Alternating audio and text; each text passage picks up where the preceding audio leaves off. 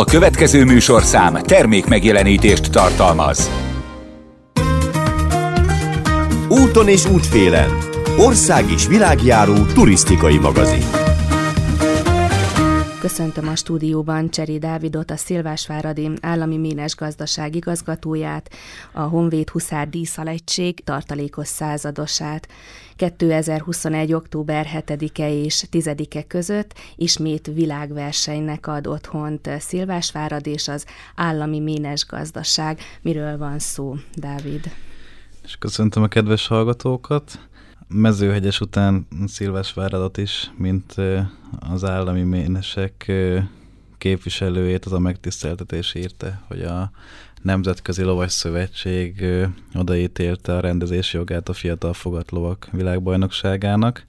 Ez a sportág, mint a fogathajtás sportágának a történetében egy viszonylag új kezdeményezés, még alig több mint fél évtizede látott napvilágot, és úgymond szokásos fogatversenyekkel ellentétben nem a hajtót, hanem sokkal fajsúlyosabban a, a lovakat bírálják a, az arra felkért szakközegek, úgyhogy gyakorlatilag a, a jövőnek a, a nemzedékét, a jövő generációit a különböző lófajták képviselőivel láthatjuk majd a versenynapokon. Miért olyan nagy dolog ez az állami mínes gazdaság életében, és miért hogyan került át Szilvásváradra ez a rendezvény? Szilvásváradnak, hogyha a múltját is figyelembe veszük, számos világversenynek lehetett a házigazdája. Azonban most már több mint egy évtizede sajnos erre nem volt, vagy hát nem sajnos, hál' Istennek erre nem volt lehetőség, ugyanis ennek azok a Lipicai Lovas Központnak a felújítása volt. Én úgy gondolom, hogy a 2018-ban átadott létesítmény az, az világszinten is megállja a helyét.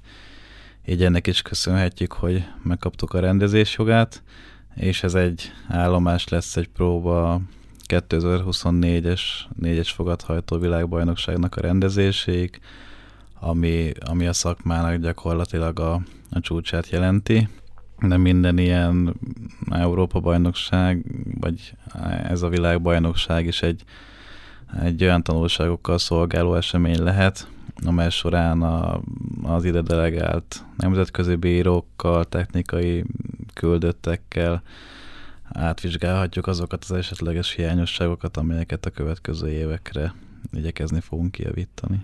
Honnan várjuk a, mind a versenyzőket, mind a vendégeket, hogyan áll össze ez a mezőny? Kilenc országból érkeztek nevezések. Az eddigi világbajnokságon olyan 40 és 45 között volt a nevezett lovak száma. Most mondhatjuk, hogy rekordot döntöttünk a nevezések során, ugyanis az 50-et meghaladja az induló lovak, illetve hajtók száma. Kilenc országból érkeztek, nevezések, a legmesszebb ezúttal Norvégiából.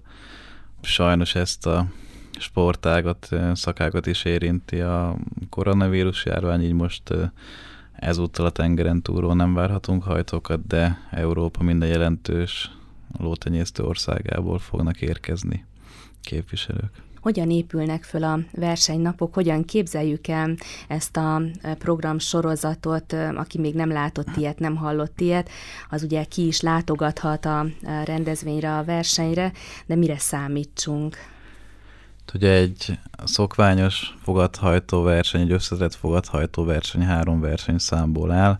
Az első napi díjhajtásból, a második napi maratonhajtásból, a harmadik nap pedig a döntő versenyszámot, az akadályhajtást láthatják a, a nézők, kivéve itt Szilvásváradon a fiatal fogatlovak világbajnokságán, ugyanis itt korosztályonként versenyeznek a lovak 5-6, illetve 7 éves kategóriában, és a pályaépítők igyekeznek olyan feladatokat a lovak elé tárni, amivel a képességeknek a legjavát hozhatják elő, de figyelembe véve a korukat és és hogy ne vegyük el a kedvüket a, a versenyzéstől. Így az első két nap alatt egy díjhajtó négyszögben előre felvázolt díjhajtó programot kell a versenyzőknek abszolválniuk, azzal a különbséggel, hogy sejba párok is elhelyezésre kerülnek ezen a pályán, úgyhogy gyakorlatilag a díjhajtásnak és az akadályhajtásnak egy kombinált versenyszámát láthatják a, a nézők. A szombati napon, akik az első körös válogató számokból tovább jutottak, díjhajtást kell, a hagyományos értelembe vett díjhajtást kell teljesíteniük, a vasárnap, a döntő nap pedig egy úgynevezett kombinált hajtáson kell szintén részt venniük. Itt azonban nem a díjhajtást kombinálják az akadályhajtással, hanem a, a maraton versenynek a, az elemeivel színesítik, és a két utóbb említett két döntő versenyszámnak az eredményi alapján hirdetnek majd világbajnokokat a Szilvásváradi Lovas Központban. A hazai lovaink, akár a, a lipicai lovak fognak szerepelni? Tehát indítjuk a, a, a mi lovainkat? Így van, lesznek úgymond hazai versenyzők is, Szilvásváradi Lipicai ló meg nem indult ilyen megmérettetésen. Most két lovunk is indulni fog, két tenyészménünk, egy napolitánó, illetve egy tulipán törzsbe tartozó egyet. A két válogatott hajtónk, akik pár hete az Európa-bajnokságon sikeresen szerepeltek, fogják a, a fogatokat hajtani. Ifjabb Galbács Ferenc, illetve Váci István, de természetesen ugyanúgy fogunk szurkolni a többi magyar versenyzőnek, különösen akik magyar fajta, magyar tenyésztésű lovakkal indulnak. Mezőhegyeset a már ebben a világverseny rutinosnak számító Pap János képviseli Nónius lovaival.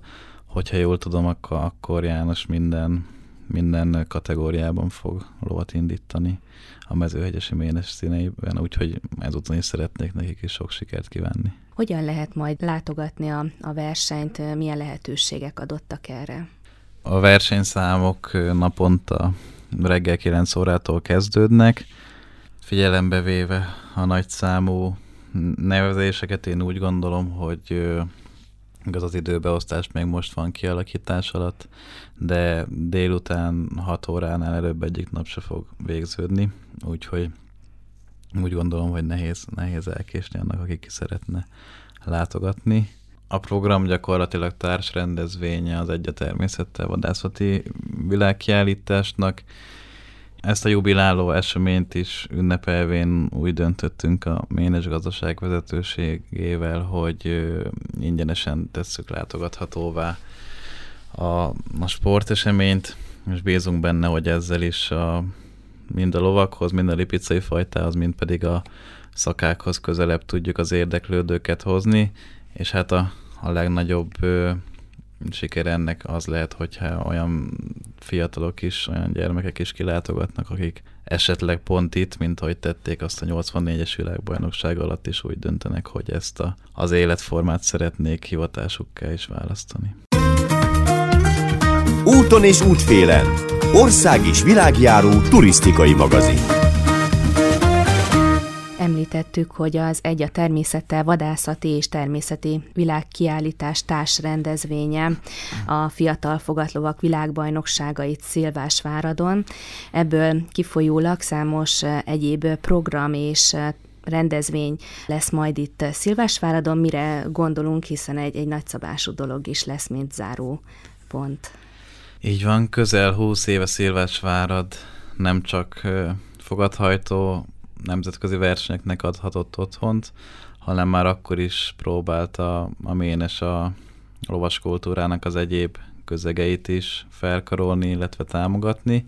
Így alig több mint 20 éve egy nemzetközi huszár találkozónak adhatott otthon Szilvásvárad, és erre emlékezvén hirdettünk meg Székely Tibor úrral, aki a Magyar Huszár és Katonai Hagyományőrző Szövetségnek az elnöke, egy országos huszár találkozót, ami szintén a vadászati kiállításnak egy társ rendezvénye is, és hogy a vadászathoz is kapcsoljuk a, az eseményt, ezért abban állapodtunk meg, hogy amellett, hogy a pénteki naptól vasárnap délutánig egész nap meglátogatható a huszártábor és az, az egyéb történelmi koroknak a katonai sátrai, különböző hagyományőrzők láthatóak majd, akik, akik a községnek az életébe is be fognak kapcsolódni. Amellett egy, egy lovas előadást is megálmodtunk, amely a szombati napon 19 órától kerül megrendezésre.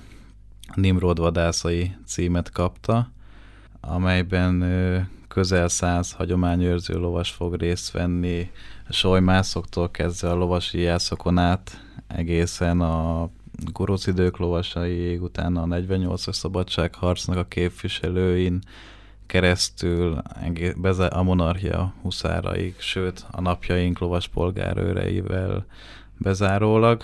Az említett Honvéd Huszár díszaletség is képviselni fogja magát, amelynek, ahogy, ahogy tetszett említeni, én is tagja vagyok.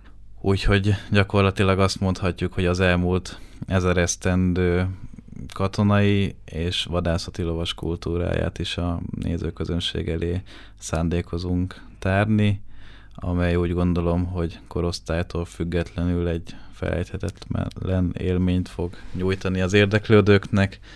Ezt az eseményt is ingyenesen fogjuk érkezési sorrendben a, a látogatók elé tárni. Itt egy kis helyszín változás lesz majd, nem a kinti Lipicai arénában lesz, ahol a világbajnokság eseményei zajlódnak, hanem a fedett lovardában kerül megrendezésre, ami tekintve, hogy azért egy októberi szombat éjszakáról beszélünk, úgy gondolom, hogy sokkal kényelmesebb helyszín lesz, mint a szabadtéri elfoglaltság. Igen, köszönöm szépen, hogy említette, hiszen erre irányult volna egy következő kérdés, hogy ezeknek a programoknak a helyszínei hogyan változnak, illetve hogy online felületen hol lehet akár részleteiben is tájékozódni, tehát van-e valamilyen lehetőség erre? A honlapunkon, illetve a Facebook oldalunkon is van részletes plakát, illetve programterv, és esetleg, hogyha, hogyha ne adj Isten, valaki nem tudna ellátogatni Szilvásváradra, akkor a versenyszámokat a szintén a közösségi oldalunkon élő közvetítéssel is nyomon követheti. Kicsit visszakanyarodva magához a hagyományőrző programokhoz, ugye ön is, mint tartalékos százados a Huszár Honvéd díszegység tagja, önnek mit jelent ez a fajta tevékenység, illetve hogyan lehet ezt jól összeegyeztetni, akár az állami ménes gazdaságban betöltött szerepével, tehát hogy ez a lovas múlt, a lovas kult kultúra hogyan kötődik önhöz? Így van, hát úgy gondolom, hogy aki, akiben bármiféle csodálatot is váltottak ki a lovaink, és úgy, mint nálam mondjuk még a, a történelem is, annak a, annak a huszárságnak, mint fegyvernem, vagy, vagy akár mint fogalom az egy etalon, és akár csak, hogyha a lovas tudást nézzük, akár hogyha a belső értékeket, akkor egy huszár az példaként kell, hogy álljon egy lovas ember előtt. Itt nem csak a lovardai elóval való foglalkozásoknak a, az idejére, hanem a, a mindennapokra is ez az úgynevezett huszár szellem, ez ki kell, hogy hasson az én olvasatomban. Még volt szerencsém nekem olyan huszártiszteket ismerni, köztük Németi Tamást, akik, akik a, az utolsó magyar huszárok egyikei, voltak, azonban a második világháború után az új rendszernek a sajnálatos hozadékaként ezt, ezt akkoriban sajnos szégyelniük kellett, azonban hála Istennek a napjainkra mind a lovas sportnak, mind a honvédelemnek a támogatottsága elért arra, és úgy gondolom, hogy a társadalmi küszöb is elért arra a pontra, hogy Ádám Barnabás ezredes segítségével, aki a Honvéd koronaőrség parancsnoka, az ő közreműködésével 2020. július 1-én újra alapíthattuk a Magyar Honvédség huszárságát, amely gyakorlatilag az a 1953-ban oszlatták fel, de a klasszikus értelemben már a második világháború befejeztével nem beszélhettünk a huszárságról, mint fegyvernemről, és azért is éreztük egy küldetésnek, hogy ezt a történelmi napot el tudjuk hozni, mert a legmagyarabb fegyver, nem hogyha lehet így fogalmazni, az a huszárság. Európában szinte az összes hadseregben, sőt a tengeren túlon az Egyesült Államokban is. Egykori magyar huszártisztek alapították meg ezt a fegyvernemet, és ugye, mint említettem, nálunk ez megszűnt, azonban Dániában, Nagy-Britanniában, az Egyesült Államokban vagy Franciaországban is még működnek ezek a, ezek a huszárezredek, működnek olyan formában is, hogy mint például Nagy-Britanniában a testőrségnek a részeként, amelynek nem csak protokolláris, de, de harctéri feladatai is vannak, vagy működnek olyan formában is, mint a Bercsényi huszárok, amelyek a lovasság modernizálásának a következtében elternyősök lettek, de egyébként a, a mai napig egy magyar népdalt énekelnek, amikor, amikor vonulnak ezek a katonák Franciaországban, úgyhogy Úgyhogy úgy gondolom, hogy ez is egy, egy történelmi dolog volt, amit össze tudtunk kapcsolni a lipicai fajtával és ezzel Szilvásváraddal is. Ugyanis a magyar királyi spanyol iskolát, illetve a lovas testőrséget a háború előtt is lipicai lovakkal látták el.